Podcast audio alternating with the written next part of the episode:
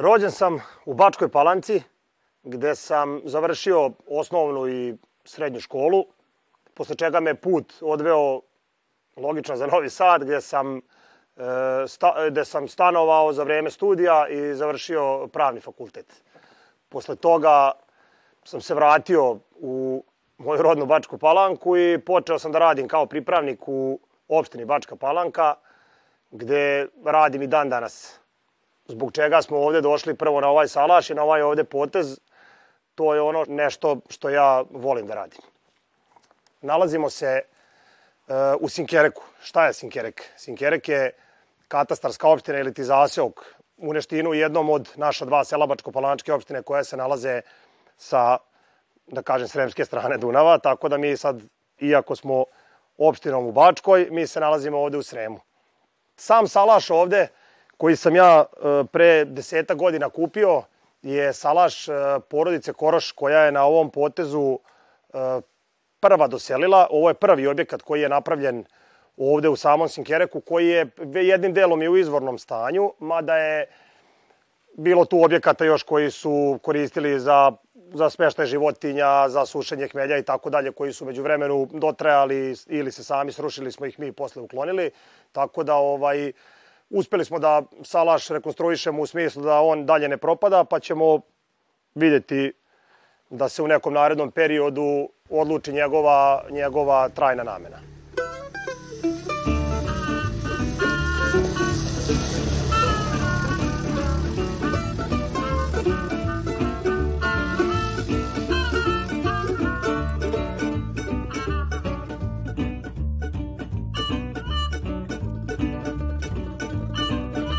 Moj pokojni deda je 78. E, godine kupio prvih 16 ari zemlje, na kojima je osnovna ideja njemu bila da napravi vikendicu i da uživaju u ovom prelepom pogledu, ambijentu i da zasade nešto voće za sobstvene potrebe i takođe e, par košnica pčela da imaju domaćeg meda i jednostavno da u nekim poznim penzionerskim danima uživaju, uživaju u ovom, u ovom predivnom ambijentu. E sad, nažalost, Deda moj to nije dočekao, pošto je mlad umro, ali je baba posle toga nastavila i moj otac je, ovo mu je bila i struka, on je bilo, kao iločki đak, voćar, vinogradar, vinar po struci, je i školovan za, za ovaj posao, međutim, dugo se nije bavio sa njim i onda u jednom periodu života, verovatno kad je prepoznao tu lepotu i došao u neke godine da mu više nije bio zanimljiv grad i te neke stvari koje grad sa sobom nudi, je prešao ovde na selo, bukvalno je zadnjih 7-80 godina i ovde i živeo. E sad, e, ja sam posle oca nastavio i ukupno sada sa svom zemljom koju imamo, imamo oko 8 hektara, imamo obradive površine ovde gde preovlađuje e, dunja, imamo 3 hektara dunje I pored Dunje imamo e, jedan hektar kruške viljamovke, imamo jedan hektar jabuke koja čija je proizvodnja već sad na granici isplativosti koji, koji će ove godine odlučiti šta ću, da li ću je vaditi ili neću. I imamo jedan, jedno jutro vinograde.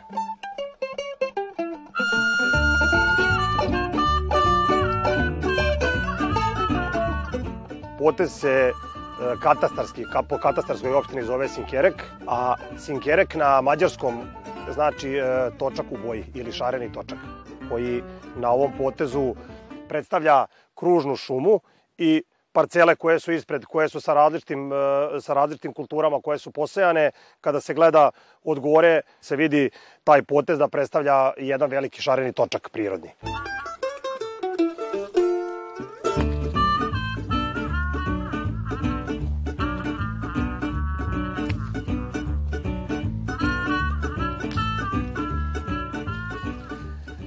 Ovde su zastupljene e, dve sorte e, koje su se pokazale na ovom terenu i opšte što se tiče, pošto ja prvenstveno proizvodim dunju za proizvodnju rakije, e, sorta koja je najlepša što se tiče mirisa, arome, količine šećera, to je naša autoktona domaća sorta, leskovačka dunja. I imamo nekih 5, 6 do 10% imamo vranjske dunje kao prešiva, koristimo je kao prešivač. Znači 3 hektara imamo dunje, od čega je od čega nam je nekih 80% voćnjaka nam je u rodu. Ljudi imaju dilemu, stalno me pitaju, e, to je sad možda neka mala zanimljivost, šta je to dunja, a šta je to dunjac, da li postoji dunja i dunjac. Dunja, odnosno ljudi, dunjom zovu leskovačku dunju. To je dunja koja vam e, podsjeća oblikom na jabuku. Inače, dunja je ista familija kao jabuka, ali ovo je leskovačka dunja. A ono što ljudi zovu dunjac, to je vranjska dunja koja je dunja izduženijeg oblika i koja više, dobro ovo sad možda i nije najklasičniji primjer, ona bude još, e, da kažem, višlja i onako još grbavija i podsjeća svojim izgledom na krušku. Vranjska dunja inače je za preradu nama nezanimljivije zato što ima veći, e, veći deo kamenih ćelija, ima slabu aromu i ima slabu količinu šećera. Dok je recimo leskovačka dunja je dunja koja je za preradu najlepša naj, najmir, najmirisnija, najsočnija sa najvećim, sa najvećim, sa najvećim količinom šećera.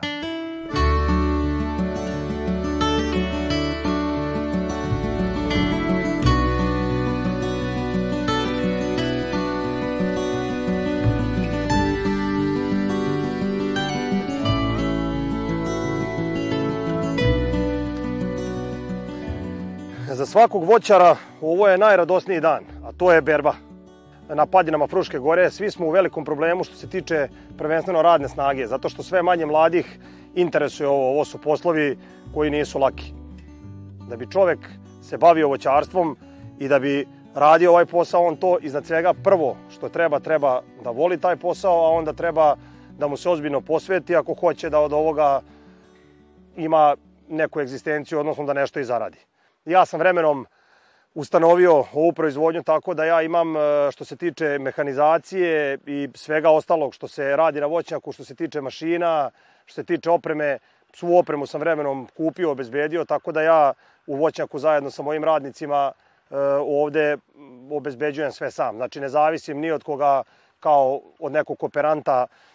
što se tiče osnovnih radova u voćnjaku. Što se tiče berbe, naravno i tih nekih fizičkih poslova, te poslove obavljaju ljudi koji su ovde iz naša dva sela, iz Neština i Vizića, znači uglavnom.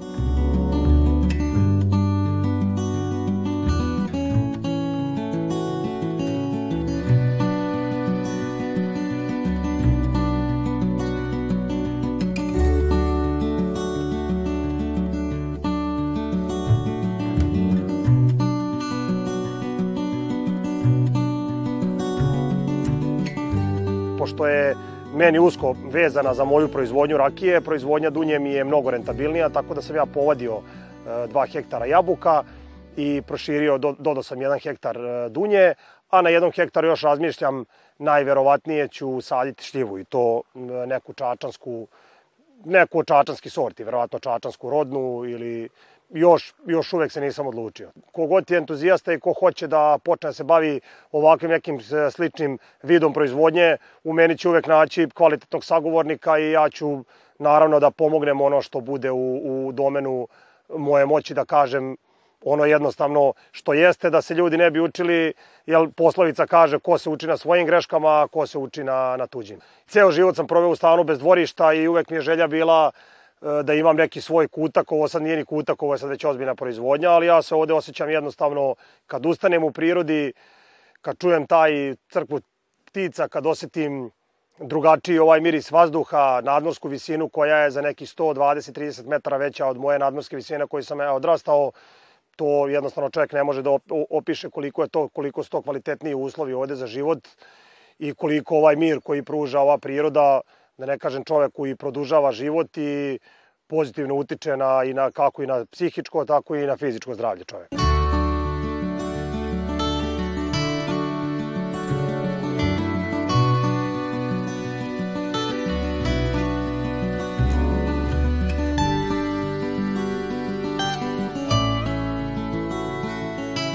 bavimo se proizvodnjom voćnih rakija, radimo sve voćne rakije i rakiju od grožđa,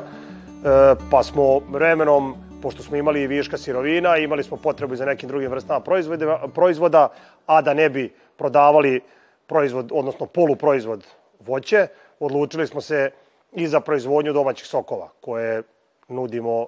posetiocima naše destilerije i salaša. Ona dunja ide prvo na mlevenje, meljemo je u klasičnom mlinu za voće koji koristimo za, kod proizvodnje e, voćnih rakija. Posle toga ide na presovanje. Imamo vodenu presu koja e, stiska tu dunju na 2,5 do 2,5 do 2,6 bara. Posle toga, kada se završi presovanje, e, sačekamo neki 24 sata da se sok istaloži, znači da taj neki mutni deo padne na, na dno, da bi dobili što bistri sok koji je lepši za piti i, i lepši na oko i kada se završi taj period taloženja, pristupa se pasterizaciji. Ova sprava pored mene je pasterizator, znači sok se pasterizuje na 70 i zagreva se dok temperatura njegova ne dostigne 77 do 78 stepeni. Posle toga se pristupa punjenju, na, da kažem, na vruće. Puni se u ove vreće koje izdržavaju, koje se inače koriste i u proizvodnji sokova, u proizvodnji vina, znači svih, e, da kažem, pića. Zbog čega je bitno punjenje e, dok je sok, da kažem, vruć ili vreo? Bitno je zato da bi se pasterizovala i kesa, da bi se ubili svi mikroorganizmi, kako kvaci, tako i bakterije i sve ono ostalo što posle može da izazove kvarenje soka. Znači, posle e, ovog punjenja na vruće i zatvaranja boksa, odnosno vreće, rok trajanja ovakvog soka je u, znači, u neotvorenom stanju minimum dve godine, a kada se otvori trebalo bi taj sok potrošiti prema preporuci proizvođača za neki 45 dana.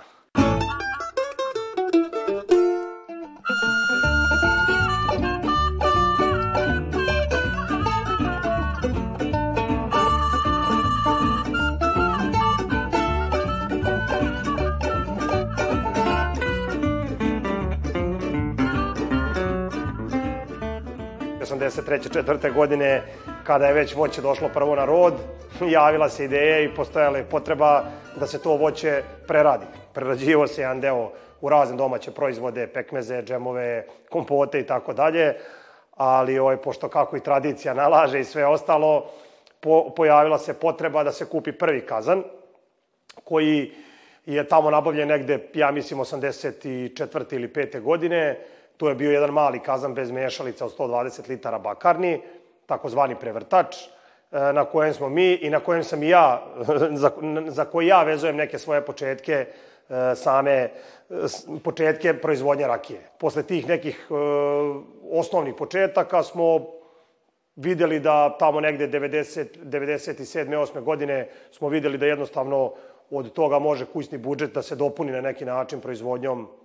prirodne domaće voćne rakije i onda smo kupili prvi ozbiljniji kazan od 160 litara i onda je otac počeo, uključio se malo otac ozbiljnije u tu e, celu priču. Sama struka, on je školovan bio za taj posao, nije se sa njim bavio, ali je na kraju iskustveno smo posle e, nas dvojica, da ne kažem, kroz nekih hiljadu grešaka, kroz hiljadu dobrih stvari koje smo uradili, smo započeli jednostavno, odnosno nastavili taj porodični biznis koji je započela naša, naša baba Kosa pa smo jednostavno nekim dugim putem koji traje sigurno preko 30 godina smo došli do, do neke ove priče gde sad možemo da kažemo da imamo jednu, za nas je to jako ozbiljna proizvodnja.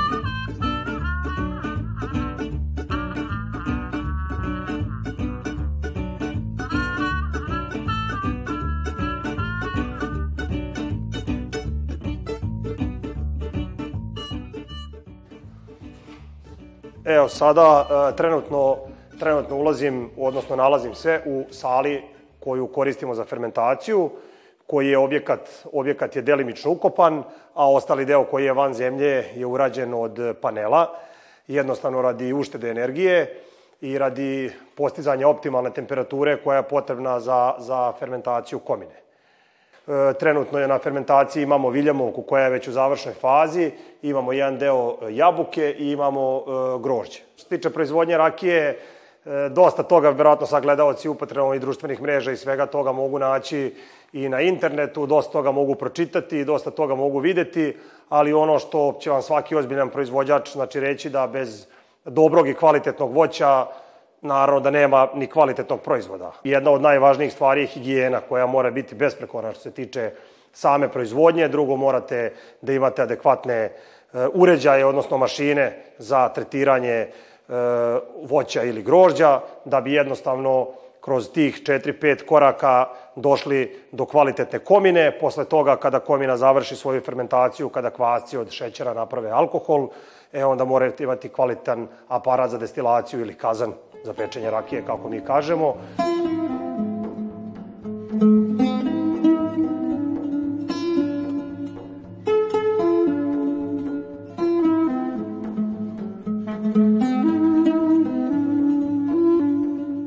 Kazan koji trenutno koristimo je zaprimene 250 litara, u pitanju je bakarni kazan, koji je za sada nam zadovoljava potrebe što se tiče same količine i vremena destilacije i sa njim za sad stižemo da uradimo e, sve što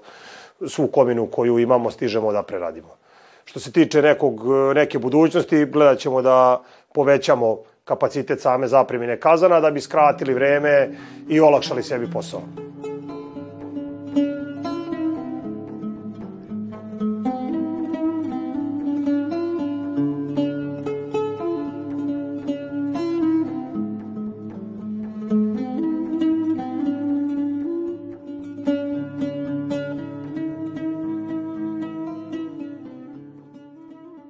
Naravno kroz generaciju do generacije i do upotrebu nekih novih hijenoloških sredstava i savremenijih sistema u preradi, došlo se i do smanjenja same jačine rakije, jer pre su ono ljudi navikli kad čovjek popije dve, tri rakije, da ga peče rakija u ustima, da se praktično, da se od dve, tri rakije, da mu se i zavrti u glavi, da mu ne bude dobro i tako dalje. E sad je to vreme, na svu sreću, se promenilo i ljudi su došli do savremenijeg načina proizvodnje, do novih tehnologija, do novih, e, do, do drugačije konzumacije samih rakija, gde se rakija e, najčešće koristi kao aperitiv i gde su recimo voćne rakije već išle od 40 do 42 stepena ili ljudima koji im je jednostavnije, to je negde na 16, 16,5 gradi, što se nekad smatrala praktično da je patoka i da rakija nije za upotrebu. Rakija svaka kada se proba, ne sme da peče ustima, ne sme da izaziva e, da ne sme da izaziva bilo kakav osjećaj gorčine, bilo kakvu nelagodu, nego treba lagano da pređe da, da, da, da kaže da se spušta prema želucu i da se onda osjeti lagano peckanje i da se onda tek osjeti aroma te rakije, da se prepoznaje u njen uh, ukus i uh, da, se, da čovjek prepozna onda od čega je rakija kada otvori neko sada bocu rakije pa miriši cijela prostorija, to nikako ne može biti domaća prirodna rakija, a takođe rakija mora da ima svoju, svoju aromu i buke da bi jednostavno bilo piće koje je poželjno za konzumaciju.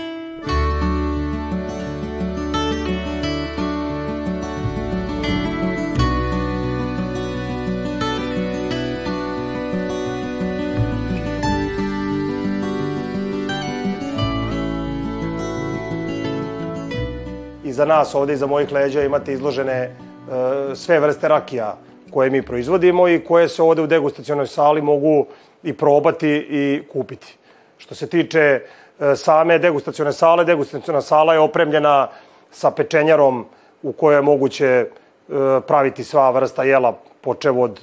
pečenja na ražnju do kotlića, roštilja, svega ostaloga, sve ostale hrane koju možemo ponuditi našim gostima. Što se tiče e, same sale, sala se može koristiti kako u letnjim, tako i u zimskim uslovima, jer je pola sale napravljeno e, u, u portalima koji se mogu otvarati, tako da je prijatno i u ambijentu e, leta,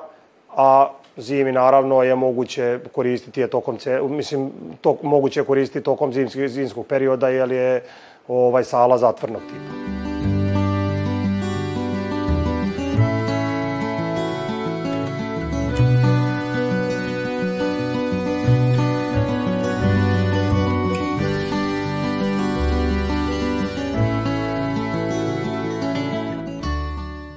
Imali smo prilike da vidimo i tvoj salaš i voćnjake kao i proizvodnju voćnih sokova, rakije,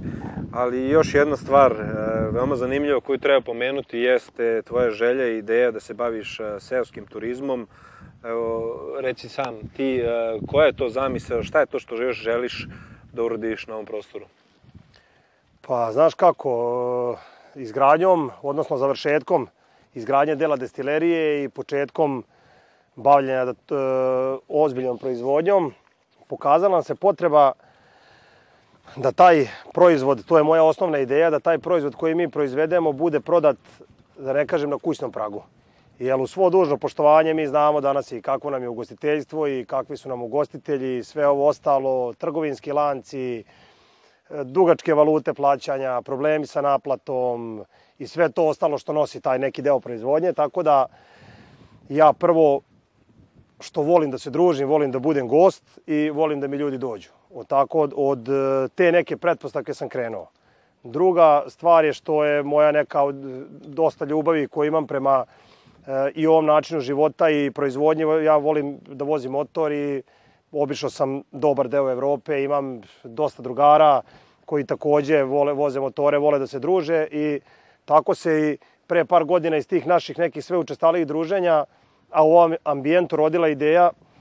da izgradnjom degustacione sale proširimo tu moju, odnosno našu ponudu porodičnu, da je proširimo na izgradnju smeštenih kapaciteta za boravak nekih 15 ljudi na noćenju, i za, recimo, mogućnost pružanja usluge za ta, da ne kaže, mini slavlja, e, neke manje svadbe, događaje, team buildinge i tako dalje, da možemo, recimo, primiti negde ovde između 70 i 80 ljudi na tom nekom događaju, posle toga da nekih 15 do 20 njih može ostati na spavanju. Generalno, to ideja ta uh, seoskog turizma je u ekspanziji. Dosta više se priča o tome i u medijima, dosta emisija sam i sam snimio uh, kada reč o ljudima koji su eto odlučili da se bave seoskim turizmom, kao što si rekao, planiraš izgradnju smeštenih kapaciteta, to će pre svega biti bungalovi, svakako sala koju smo imali prilike da vidimo, verujem naši gledalci će se oduševiti i bazenom koji je iza naših leđa. Pored toga, pomenuo si malo čas i vožnju motorima, šta je što je to u planu, zaista prelep jedan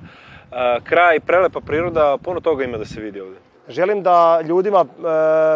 da ljudima dam mogućnost aktivnog odmora. Šta znači aktivni odmor? Aktivni odmor znači da u ovom ambijentu čovek dođe dva, tri dana, on jedan dan može da sedi, da se kupa u bazenu, već drugi dan mu je dosadno, ne treba, neki, ne, treba neka, neka nova akcija za, za njega da se osmisli. Tako da mi ovde nudimo mogućnost onoga što mi radimo i što mi volimo. To je jednostavno blizu smo Dunava, imamo, da, imamo mogućnost da ponudimo veslanje. Imamo 7-8 čamaca, što jednoseda, što dvoseda, znači grupu do desetak, 12 ljudi možemo da primimo da veslaju gde god. Druga varijanta, da li to vožnja biciklova, koje takođe imamo u ponudi. Treća varijanta je ko voli da šeta, da ide u pešačke ture, da obilazi. Imamo 3-4 manastira koje su u neposrednoj blizini, imamo par spomenika kulture, imamo fenomenalnih e, staza, pešačkih, staze zdravlja, dva, tri prirodna jezera koje nas okružuju. Znači ima čovjek šta da vidi.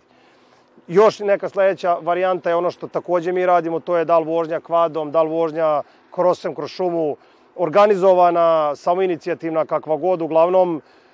sva, sve te neke mogućnosti su otvorene za onoga ko odluči da bude ovde, ne samo naš gost, nego i naš drugar i prijatelj i da ovde uživa jednostavno sa nama.